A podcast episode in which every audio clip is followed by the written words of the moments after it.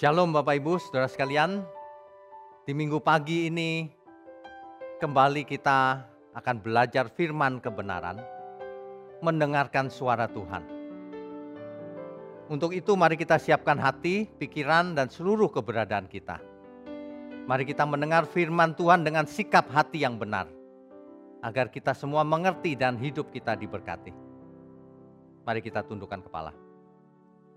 Bapa di surga, terima kasih kalau kami masih mempunyai sisa hidup di mana kami belajar untuk menyelaraskan hidup kami dengan kehendak Tuhan. Biarlah di bulan-bulan menyambut Natal ini kami boleh belajar firman-Mu sehingga kami mengerti benar makna Natal yang sebenarnya. Terima kasih Bapak, berkati mulut hambamu untuk menyampaikan kebenaran ini. Hanya di dalam nama Tuhan Yesus kami berdoa dan mengucap syukur. Amin. Bapak Ibu Saudara sekalian, ini adalah seri Natal yang ketiga. Dan topik ini tidak banyak orang yang percaya. Bahkan para teolog bisa berpikiran lain. Aneh bukan? Kita akan belajar tentang mengosongkan diri. Atau dalam bahasa teknisnya kenosis. Kekristenan dewasa ini banyak diwarnai oleh teologi-teologi atau ajaran-ajaran yang menyimpang teologi kemakmuran yang lebih menekankan berkat-berkat jasmani, kekayaan duniawi, matre, teologi mistik yang lebih mengutamakan hal-hal yang mistik untuk kepentingan diri manusia itu sendiri. Tidak memperhatikan kehendak Tuhan dan tidak memperhatikan kebenaran.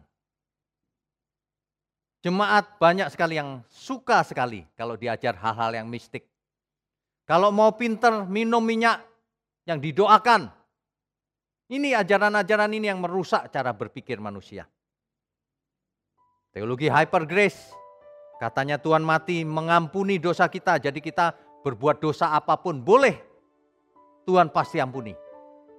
Ini sebenarnya ajaran yang menyimpang dari Alkitab. Inilah termasuk yang disebut dengan Injil yang lain. Dahulu Rasul Paulus mengingatkan kita adanya Injil yang lain. Galatia 1 ayatnya yang ke-6. Galatia pasal 1 ayat 6. Aku heran bahwa kamu begitu lekas berbalik daripada dia yang oleh kasih karunia Kristus telah memanggil kamu dan mengikuti suatu Injil yang lain Injil yang lain itu terus-menerus disampaikan dari zaman ke zaman. Dan herannya manusia sering kali tertarik dengan Injil yang lain ini. Padahal Kristus artinya, Kristen artinya pengikut Kristus. To be like Christ. Rule modelnya adalah Kristus.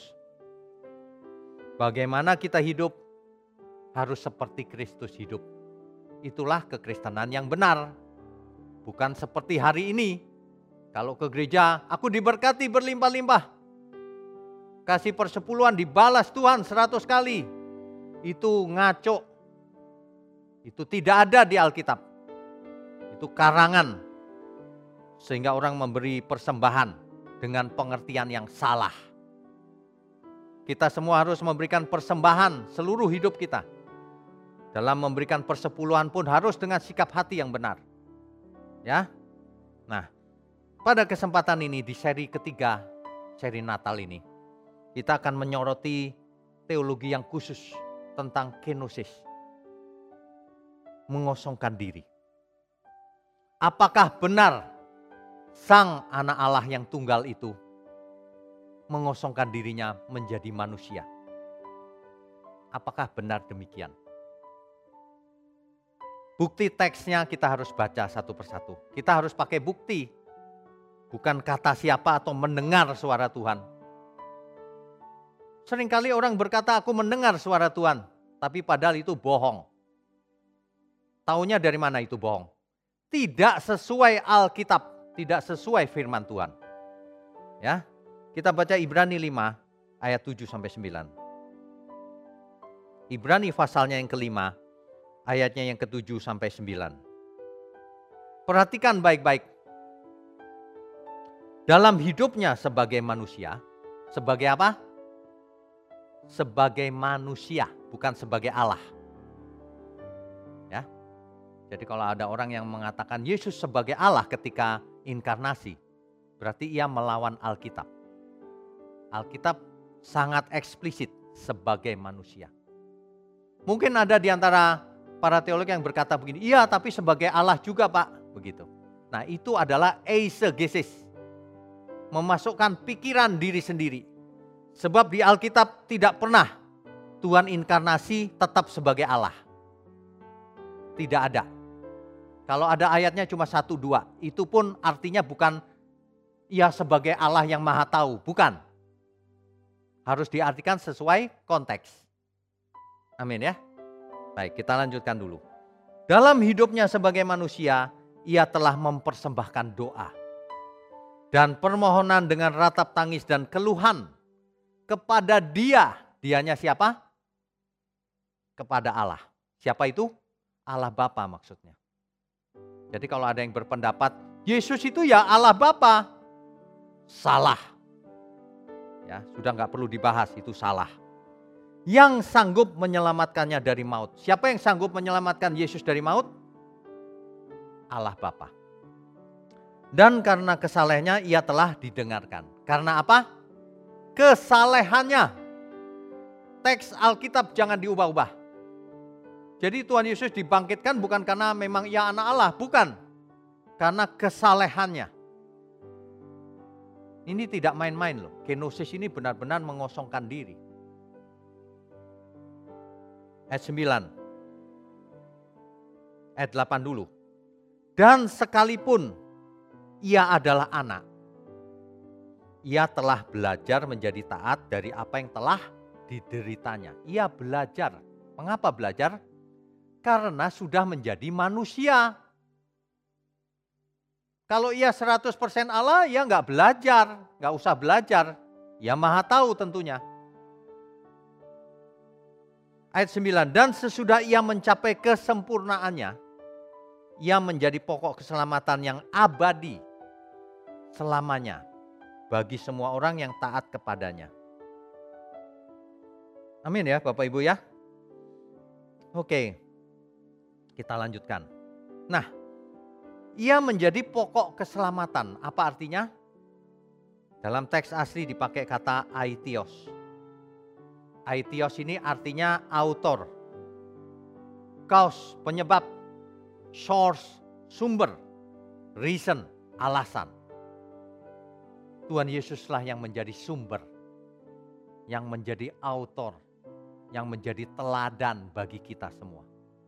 Artinya kalau kita mengaku orang percaya atau Kristen, kita harus belajar menjadi seperti dia. Seperti Tuhan Yesus.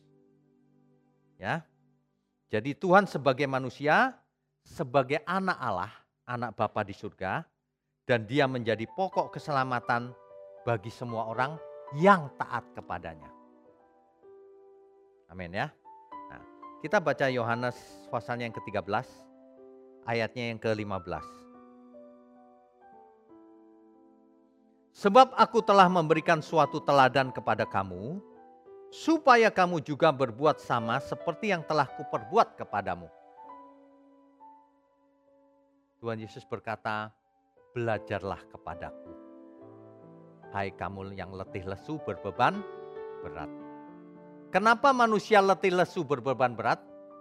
Sebab manusia belajar dari pihak lain, dari dunia ini kalau manusia belajar dari Tuhan, ia akan memperoleh kelegaan, ketenangan, kesegaran jiwa.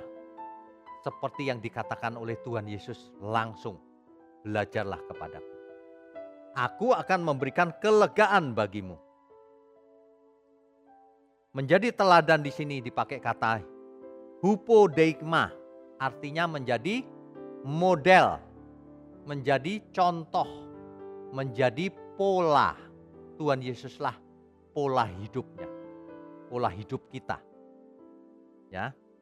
Supaya kita berbuat yang sama. Tuhan Yesuslah role model yang sempurna. Jangan punya model yang lain. Tidak ada seorang pun manusia yang sempurna seperti Tuhan Yesus. Tidak pantas jadi model, tidak pantas menjadi teladan kecuali Tuhan Yesus. Amin ya.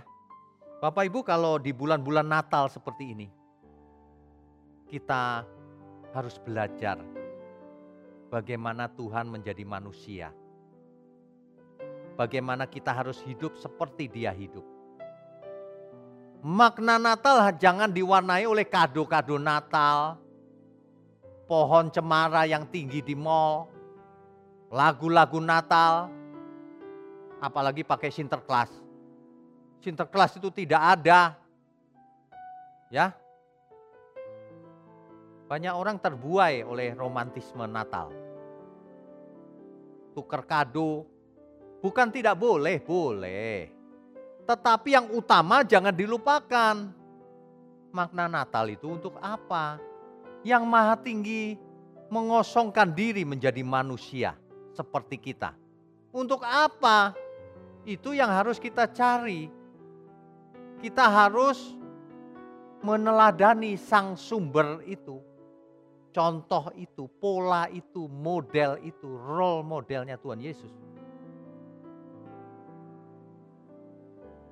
Ibrani 12 ayatnya yang kedua.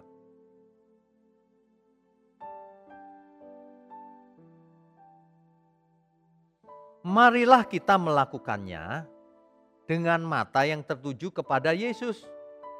Tentu mata yang dimaksud bukan mata jasmani. Kita harus mengerti kalau baca Alkitab. Kita harus memandang Tuhan bagaimana ia hidup.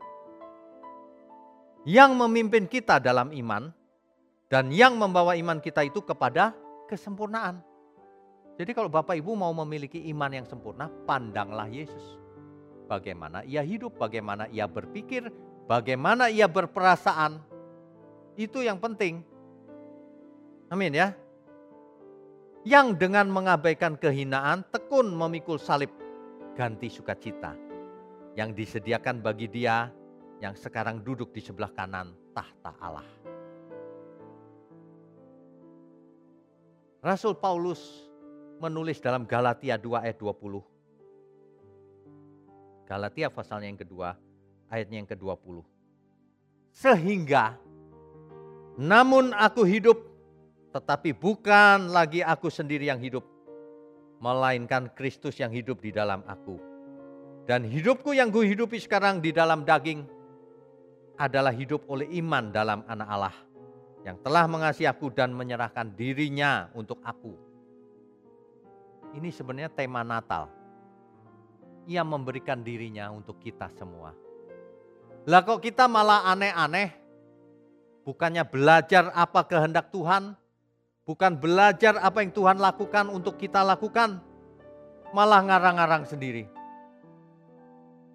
Setiap gereja, ke gereja yang dikejar hanya kesembuhan fisik saja, Jiwamu itu loh yang sakit itu harus sembuh. Kalau fisik kita sembuh boleh, tidak sembuh juga boleh. Asal jiwa kita sembuh. Ada amin? Oleh bilo-bilonya kamu sudah sembuh. Sembuh dari apa? Sembuh dari kesesatan. Sembuh dari cara hidupmu yang duniawi itu. Hari ini dirubah, sembuh dari kanker, sembuh dari tidak punya jodoh, sembuh dari kemiskinan. Salah itu itu orang-orang yang tidak mengerti Alkitab, berani khotbah sembarangan. Alkitab berkata lebih baik batu kilangan diikat di lehermu dan kau dibuang ke laut. Kau menyesatkan banyak orang. Gak takut. Sebagai hamba Tuhan mau saya mau ingatkan dalam kesempatan ini. Mumpung di waktu Natal. Cepatlah bertobat. Kalau khotbah itu harus dari Alkitab Jangan dari buku. Jangan dari pikiran sendiri. Bahkan jangan dari hasil konsili. Alkitab digali. Amin ya. Jangan dari hasil sidang sinode. Itu buatan manusia. Kalau hasilnya sesuai Alkitab, Ya boleh. Tapi kalau tidak sesuai Alkitab, dibuang saja ke laut. Ada amin ya. Kita hidup itu harus seperti Kristus hidup. Ngarang-ngarang sendiri malahan. Ini Natal yang keberapa buat saudara sekalian? Saya sudah tidak ingat Natal keberapa. Bisa sih dihitung. Sebab sejak kecil saya sudah menjadi Kristen. Bahkan ketika hari Natal, saya masih ingat tuh. Saya masih SD kelas berapa ya? Kelas 2 atau kelas 3. Main drama Natal menjadi Yesus, bayangkan. Gak pantas banget ya. Pernah menjadi Yesus, memper, uh, berperan sebagai Yesus. Jadi hari ini kalau kita sudah umur 50-an ke atas, sudah 50 kali Natal. Masa dari dulu hidup kita tidak berubah? Pengertian kita juga tidak berubah? Masih tidak sesuai Alkitab terus tapi diaminkan terus? Makanya banyak orang hidupnya tidak jadi berkat bagi sesamanya. Orang di luar Kristen malah melihat orang Kristen aneh-aneh. Gak jadi berkat. Karena nggak ikut Alkitab sih. Filipi 2 ayat 5. Ini saya sengaja banyak baca Alkitab supaya Bapak Ibu terbiasa. Saudara itu terbiasa baca Alkitab, jangan menghindar dari Alkitab. Surat Rasul Paulus kepada jemaat di Filipi. Filipi 2 ayat 5. Hendaklah kamu dalam hidupmu bersama menaruh pikiran dan perasaan yang terdapat juga dalam Kristus Yesus. Kita itu harus berpikir dan berperasaan seperti Yesus. Soal mujizat, berkat dan sebagainya nggak usah dipikir. Itu akan mengikuti ketika kita seperti Tuhan. Pasti segala karunia diberikan kepada kita. Amin. Jadi nggak usah mengejar-ngejar kesembuhan fisik terus. Gak perlu, gak penting itu. Kesembuhan jiwa jauh lebih penting. Ya, Jangan mengejar jasmani, berkat-berkat jasmani melulu dari dulu. Gak maju-maju imanmu. Kejarlah yang di atas bukan di bumi. Pikirkan perkara yang di atas bukan di bumi. Itu firman Tuhan. Tidak pernah dibaca malahan setiap tahun mengadakan Natal itu itu terus yang diajarkan. Tidak mengubah, tidak memberkati. Jemaat terlena oleh lagu-lagu Natal yang syahdu. Khotbah salah pun diaminkan. Jangan Bapak Ibu. Saudara sudah umur berapa? Sudah berapa lama jadi orang Kristen? Orang percaya? Kalau baru kemarin atau dua hari yang lalu ya saya bisa mengerti lah. Tapi kalau sudah lima tahun ke atas, sudah tahunan, ayo miliki iman yang dewasa. Tuhan saja yang maha tinggi mengosongkan diri. Benar-benar menjadi manusia. Salah itu ajaran 100% manusia, 100% Allah. Salah itu. Itu karangan manusia. Tidak ada satupun ayat yang mengatakan hal itu. Saya bacakan satu ayat lagi ya. Salah malah menunjuk orang lain sesat. Filipi 2 ayatnya yang ke-6. Yang walaupun dalam rupa Allah. Naturnya memang Allah. Oh kalau gitu dia Allah pak, bukan manusia. Balik lagi nggak ngerti.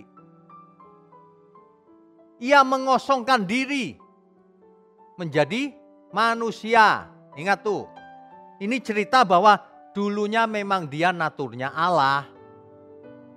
Yaitu bukan Allah Bapa ya, Allah anak Allah.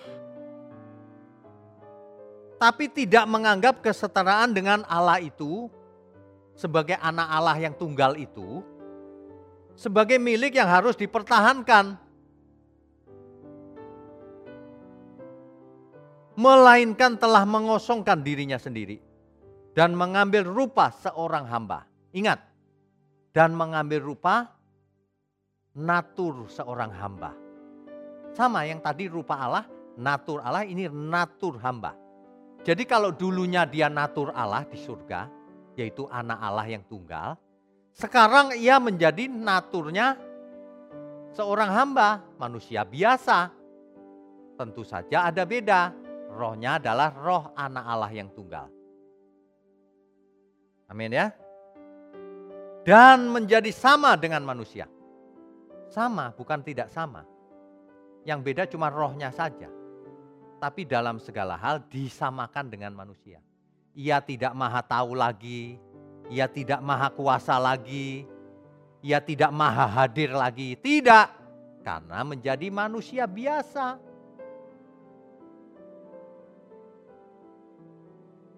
Bapak Ibu Saudara sekalian, pasti ada orang yang menganggap ini sesat. Enggak masalah, Alkitab berkata begitu. Orang itu tidak mengerti hermeneutik, meskipun mungkin ia mengajar hermeneutik, tapi tidak mengerti. Mengapa? Karena sudah termakan oleh teologi-teologi yang kaku itu. Yang salah itu. Yang tidak sesuai Alkitab. Alkitab mengatakan mengosongkan diri. Kenosis. Dari akar kata kenoo. Artinya mengosongkan, to make empty. Artinya to destroy, menghancurkan diri menjadi manusia. Ya.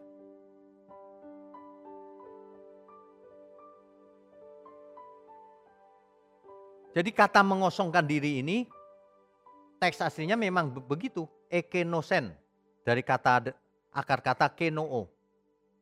To empty, to destroy, render void, nothing Makanya ketika Yesus baru lahir sebagai bayi, ia tidak tahu apa-apa, ia pun menangis menjadi manusia biasa. Jadi Yesus sebagai manusia bukan begini, sebentar jadi manusia, sebentar jadi Allah. Kalau lagi makan dia jadi manusia. Kalau berjalan di atas air berubah jadi Allah. Memangnya film superhero itu karangan manusia itu cerita itu. Lalu mengapa Pak dia bisa membangkitkan orang mati, bisa berjalan di atas air? Karena didukung oleh Bapa di surga. Karena diberi kuasa oleh Bapa di surga. Buktinya apa? Buktinya ketika Tuhan Yesus berjalan dengan para rasul, ada seorang yang perempuan yang pendarahan belasan tahun, menjamah jubahnya dan ia sembuh. Lalu apa kata Tuhan? Siapa yang menjamah jubahku? Ada kuasa yang keluar dari dalam diriku. Kalau ia Allah tentu enggak bertanya-tanya begitu. Oh iya jadi manusia lagi pak. Nah itu ngeles-ngeles begitu. Ini serius. Tuhan memang tidak tahu siapa. Tapi Tuhan tahu ada kuasa yang keluar. Kuasa dari mana itu? Kuasa dari Bapa di surga. Sekarang begini aja, Tuhan Yesus mati yang membangkitkan siapa? Pasti ada banyak orang yang menjawab, bangkit sendiri Pak dengan kuasanya. Tidak baca Alkitab lagi. Bacalah Alkitab saudara, jangan pakai pikiranmu sendiri. Alkitab mengatakan ia dibangkitkan oleh kuasa dari Bapa. Dalam ayat lain dijelaskan, ia dibangkitkan oleh roh yang sama yang sekarang tinggal di dalam kamu, di dalam kita. Apa itu? Roh Kudus. Jadi Tuhan Yesus dibangkitkan, bukan bangkit sendiri. Itu bukti bahwa ia telah menjadi manusia. Kalau ia menjadi tetap menjadi Allah, ia nggak perlu dibangkitkan, ia bangkit sendiri. Ya, oke kita lanjutkan. Banyak yang tidak mengerti bahwa Yesus adalah anak tunggal Allah. Yohanes 3 ayat 16. Karena begitu besar kasih Allah, di situ Allah Bapa tentu, kepada dunia ini. Karena begitu besar kasih Bapa kepada dunia ini, maka dikaruniakan anaknya yang tunggal, yaitu Tuhan Yesus. Sehingga siapa saja yang percaya kepadanya, jangan binasa melainkan beroleh hidup yang kekal. Amin, saudara? Oke. Jadi anak tunggal Allah inilah yang menjelma menjadi manusia disebut inkarnasi. Inkarnasi itu berubah. mengenakan tubuh manusia biasa. Rohnya dari surga, kesadarannya dikosongkan, tidak ingat siapa-siapa dirinya. Sampai suatu hari ia ingat. Amin ya. Terutama ketika Yesus dibaptis, tentu ia menyadari ia anak Allah. Mengapa? Karena ia melihat ada yang seperti burung merpati dan ia mendengar suara dari surga, dari Bapaknya. Inilah anak yang kukasih kepadanya aku berkenan. Ini semua jelas loh di Alkitab. Ya. Mereka tidak percaya kenosis teolog-teolog itu. Mereka lebih percaya kepada teolog sebelumnya dibanding Alkitab. Makanya mereka nggak pernah membahas kenoo, kenosis. Karena tidak percaya, padahal teks asli mengatakan ekenosen. Akar kata kenoo artinya mengosongkan diri. Nanti ngeles ke sana kemari penjelasannya. Tapi pakai kalimat sendiri bukan pakai Alkitab lagi. Perhatikan tuh. Ya. Padahal Tuhan benar-benar menjadi manusia. Ia tidak maha tahu lagi karena menjadi manusia. Ia tidak tahu kapan anak manusia akan datang lagi nanti yang kedua kali. Ia tidak tahu ketika jubahnya dijamah oleh perempuan itu. Ya. Ada banyak buktinya. Dan dalam segala hal ia disamakan dengan manusia. Ibrani 2 ayat 17. Coba kita baca.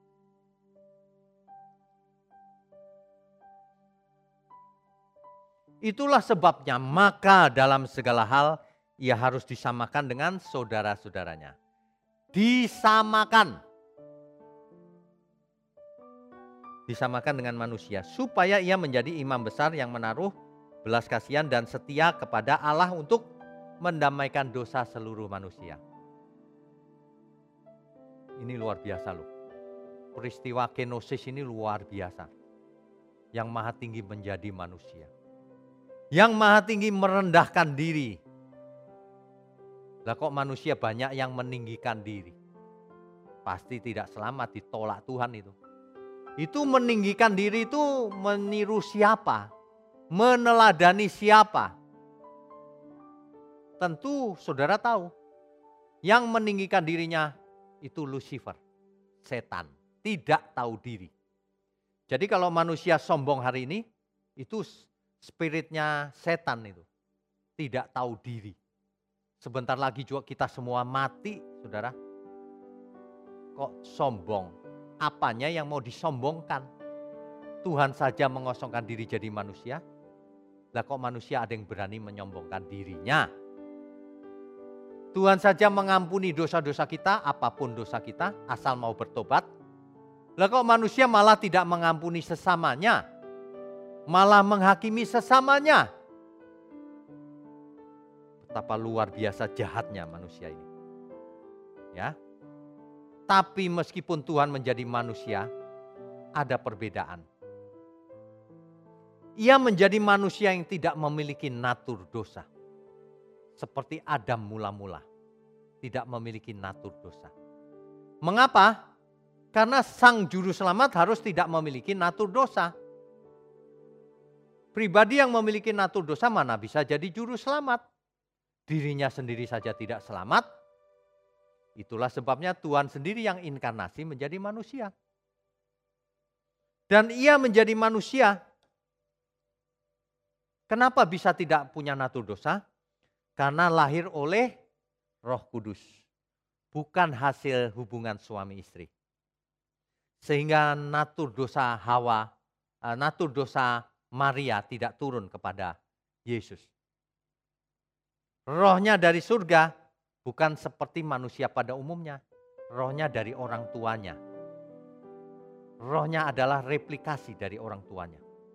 Tapi roh anak tunggal, roh manusia Yesus, rohnya datang dari surga. Amin ya. Nah, mengapa ia harus jadi manusia? Ia benar-benar menjadi manusia loh. Bukan manusia 100%, Allah 100%. Bukan. Ia benar-benar menjadi manusia seperti Adam pertama. Mengapa? Karena ia harus menggantikan tempatnya Adam. Adam yang pertama berdosa oleh satu manusia, satu orang, seluruh dunia kena getahnya, kena maut. Nah sekarang sama, untuk menebus dosa Adam, Tuhan Yesus menjadi Adam. Sama persis, tapi tidak berdosa juga seperti Adam. Satu-satunya beda adalah rohnya adalah roh anak Allah, roh Tuhan Yesus. Tapi selebihnya semua sama, manusia biasa. Sehingga ia bisa menggantikan tempat manusia biasa. Kalau ia masih 100% Allah, ia nggak bisa menggantikan tempat manusia. Maka manusia bisa beralasan, aku tidak bisa menjadi seperti Yesus, dia 100% Allah, 100% manusia. Sedangkan aku cuma manusia 100%. Itu sebabnya Yesus disamakan dengan semua manusia, 100% manusia. Dalam segala hal disamakan kecuali rohnya roh anak Allah. Kecuali ia tidak punya natur dosa. Seperti Adam mula-mula. Jelas ya Bapak Ibu? Adam pertama makhluk hidup yang bisa mati. Tapi Adam terakhir yaitu Tuhan Yesus justru menghidupkan yang mati. Terbalik. Adam mula-mula dari debu tanah. Tapi Adam terakhir yaitu Tuhan Yesus dari surga. Itu bedanya. Adam mula-mula membuat semua orang mengenal maut. Tapi Adam yang terakhir Tuhan Yesus membuat semua orang mengenal keselamatan. Adam yang pertama melanggar memberontak. Adam yang terakhir taat sampai mati. Adam yang pertama memiliki daging yang berdosa. Adam yang terakhir harus memiliki daging juga, tapi tidak boleh berdosa.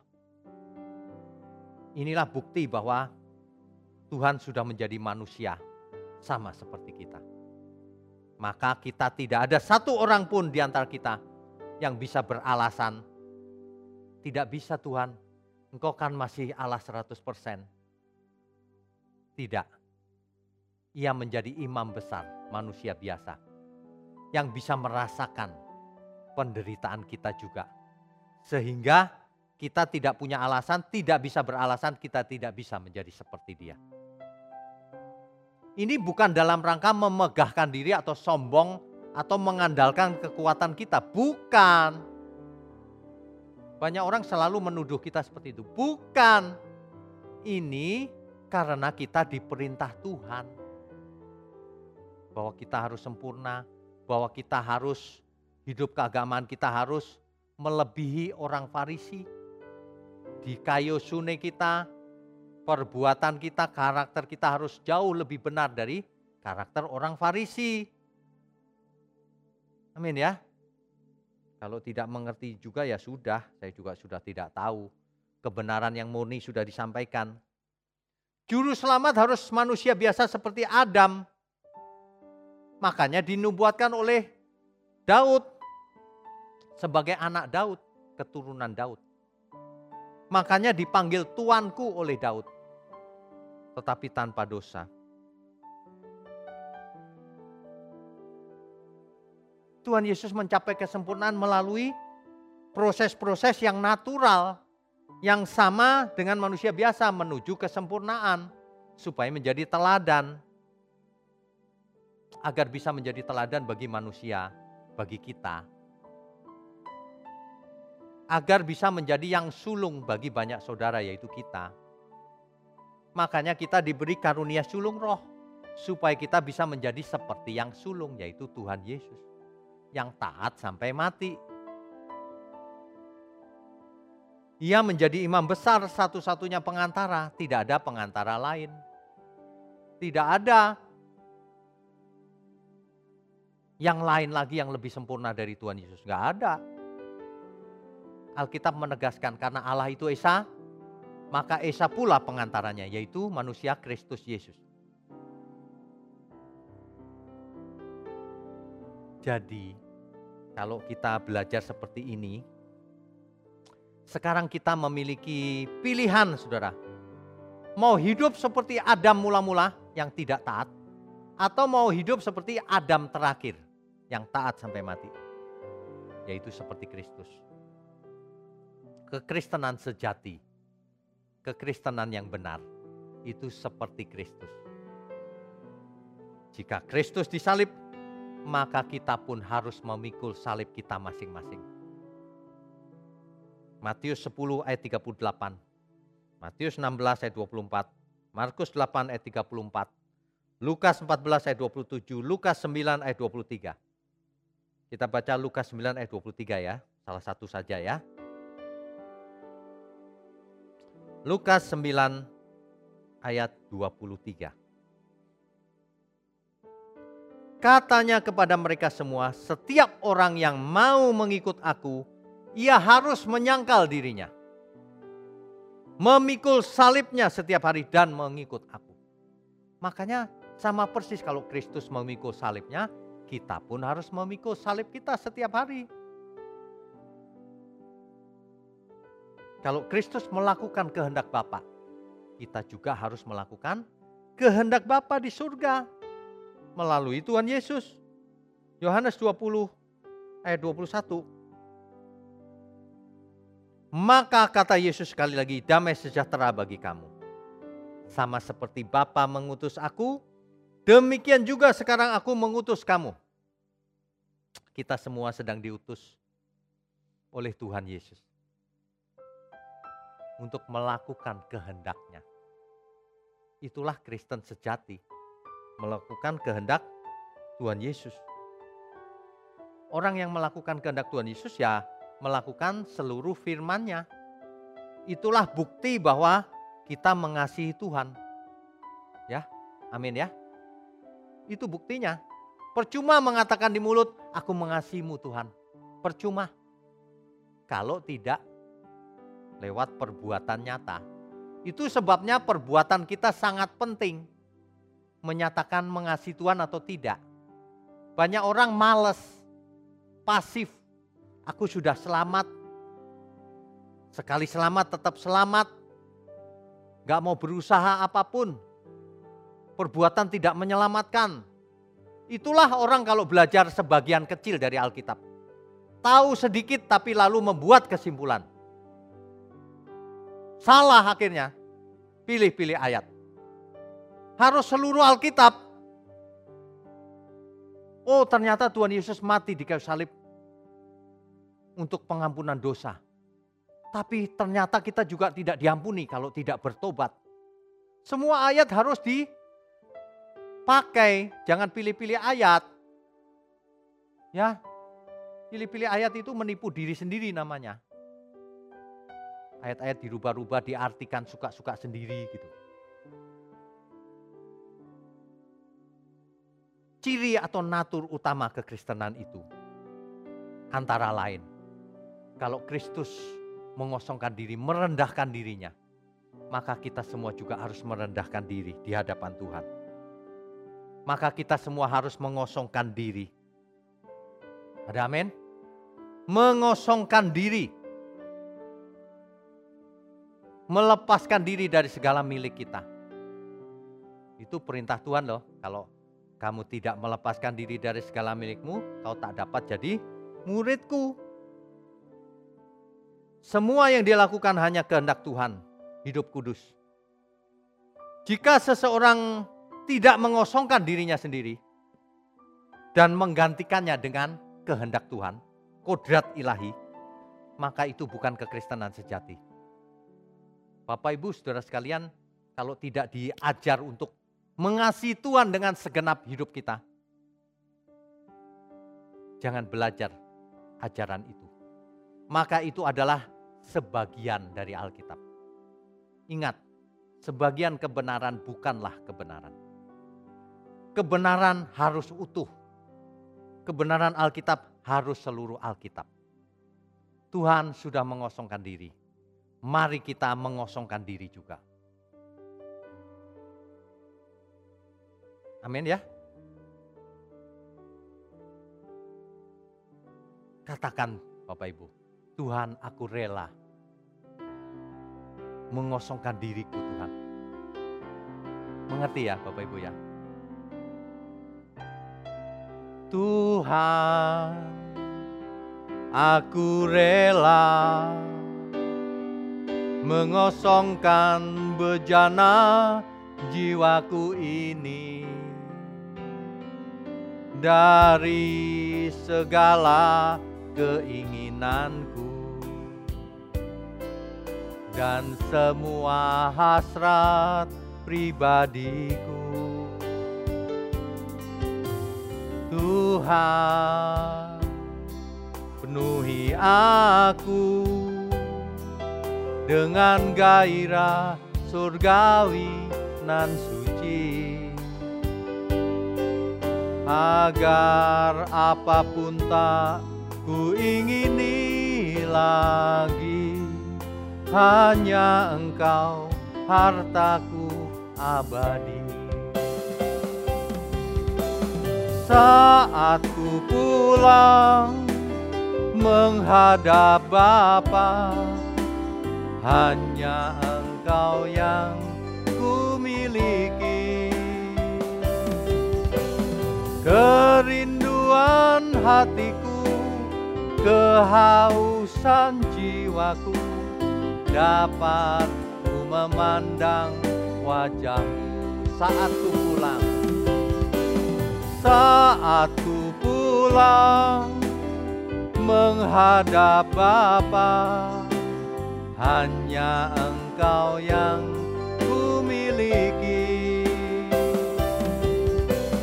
kerinduan hatiku kehausan jiwaku dapat ku memandang wajahmu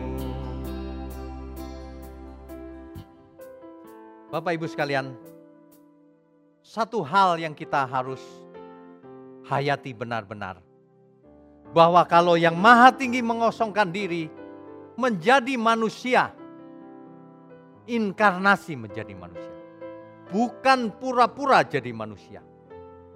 Bukan 100% manusia, 100% Allah. Tapi benar-benar menjadi 100% manusia hanya saja tetap berbeda dengan manusia. Rohnya adalah roh anak Allah yang maha tinggi. Dan ia tidak punya natur dosa. Itu bedanya.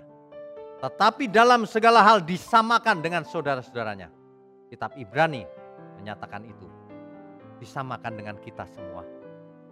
Sehingga kita semua tidak punya alasan apa pun untuk tidak berpikir dan berperasaan seperti Tuhan Yesus ini bukan dalam rangka membanggakan diri atau memegahkan diri. Tidak boleh. Sebab perbuatan kita bukanlah jasa. Perbuatan kita adalah dalam rangka mentaati perintah Tuhan sendiri. Kalau hidup keagamaanmu tidak lebih baik, lebih benar dari orang Farisi, kau nggak masuk surga. Kalau karaktermu, perbuatanmu, karaktermu tidak lebih benar dari orang Farisi, kau nggak masuk surga. Tuhan sendiri yang berkata demikian. Oleh sebab itu kamu harus sempurna seperti Bapa sempurna. Itu perintah Tuhan, jangan ditolak. Jangan pakai pikiranmu sendiri untuk melawan Alkitab. Amin ya. Di suasana Natal ini, mari kita belajar. Mari kita teduhkan pikiran kita, perasaan kita, Mari kita kembali kepada Alkitab. Mari kita belajar Alkitab apa adanya. Ya. Lalu kita mengerti maknanya. Sehingga waktu kita menafsir bukan berdasarkan pikiran sendiri, tapi landasannya adalah teks Alkitab. Saudara, Natal mengingatkan kita bahwa Tuhan yang Maha Tinggi menjadi manusia sama seperti kita ia adalah Allah yang Immanuel. Dan ia menghendaki semua kita nanti pulang bertemu muka dengan muka. Amin ya. Oleh karena itu jangan lupa kosongkan dirimu, ambisimu. Kosongkan, gantikan dengan gairah surgawi. Menjadi manusia Allah sehingga kita nanti pulang ke surga. Ya. Saat ku pulang menghadap Bapa, hanya Engkau yang ku miliki. Kerinduan hatiku, kehausan jiwaku, dapat ku memandang wajahmu. Saat ku pulang menghadap Bapa, hanya Engkau yang ku miliki. Kerinduan hatiku, kehausan jiwaku, dapat ku memandang wajahmu. Bapak Ibu sekalian, mari kita belajar menjadi pengikut Kristus yang benar. Dan kita akan lanjutkan pertemuan minggu depan, seri keempat, seri Natal. Amin. Bapak Ibu umat Tuhan, jemaat Tuhan di mana pun berada, kita masih online terus dan khusus untuk jemaat GSKI Pantai Indah Kapuk, kita saya ingatkan kita sedang men-setting uh, sound system kita, semua kita perbaiki agar kita nanti ketika offline, off on site maksud saya, semuanya sudah siap. Dan untuk yang mengikuti online dari luar kota dan di, dari luar negeri, jangan khawatir karena siaran online akan terus sampai selama-lamanya. Bahkan sampai Tuhan Yesus datang kembali. Amin ya. Mari kita tundukkan kepala. Bapa di surga, terima kasih untuk firman kebenaranmu ini. Sehingga kami semua diingatkan bahwa kami harus mengosongkan diri kami. Merendahkan diri kami seperti Tuhan mengosongkan diri, merendahkan diri. Terima kasih Bapa. Mohon berkati semua tangan-tangan yang mendukung pelayananmu ini, yang mendukung gerejamu di tempat ini. Berikan kesehatan, umur panjang. Juga anak-anakmu di mana pun berada yang mendengarkan secara online firman ini. Dan juga mengulang-ulang melalui Youtube Tuhan juga berkati dengan kesehatan umur panjang juga. Agar kami semua boleh berkarya, boleh belajar dengan umur yang panjang. Menyempurnakan diri, melakukan kehendak Tuhan sampai selama-lamanya. Kiranya semua yang kami lakukan Tuhan berkenan. Hanya di dalam nama Bapa, Putra, dan Roh Kudus kami panjatkan doa kami dan kami mengucap syukur. Haleluya. Amin.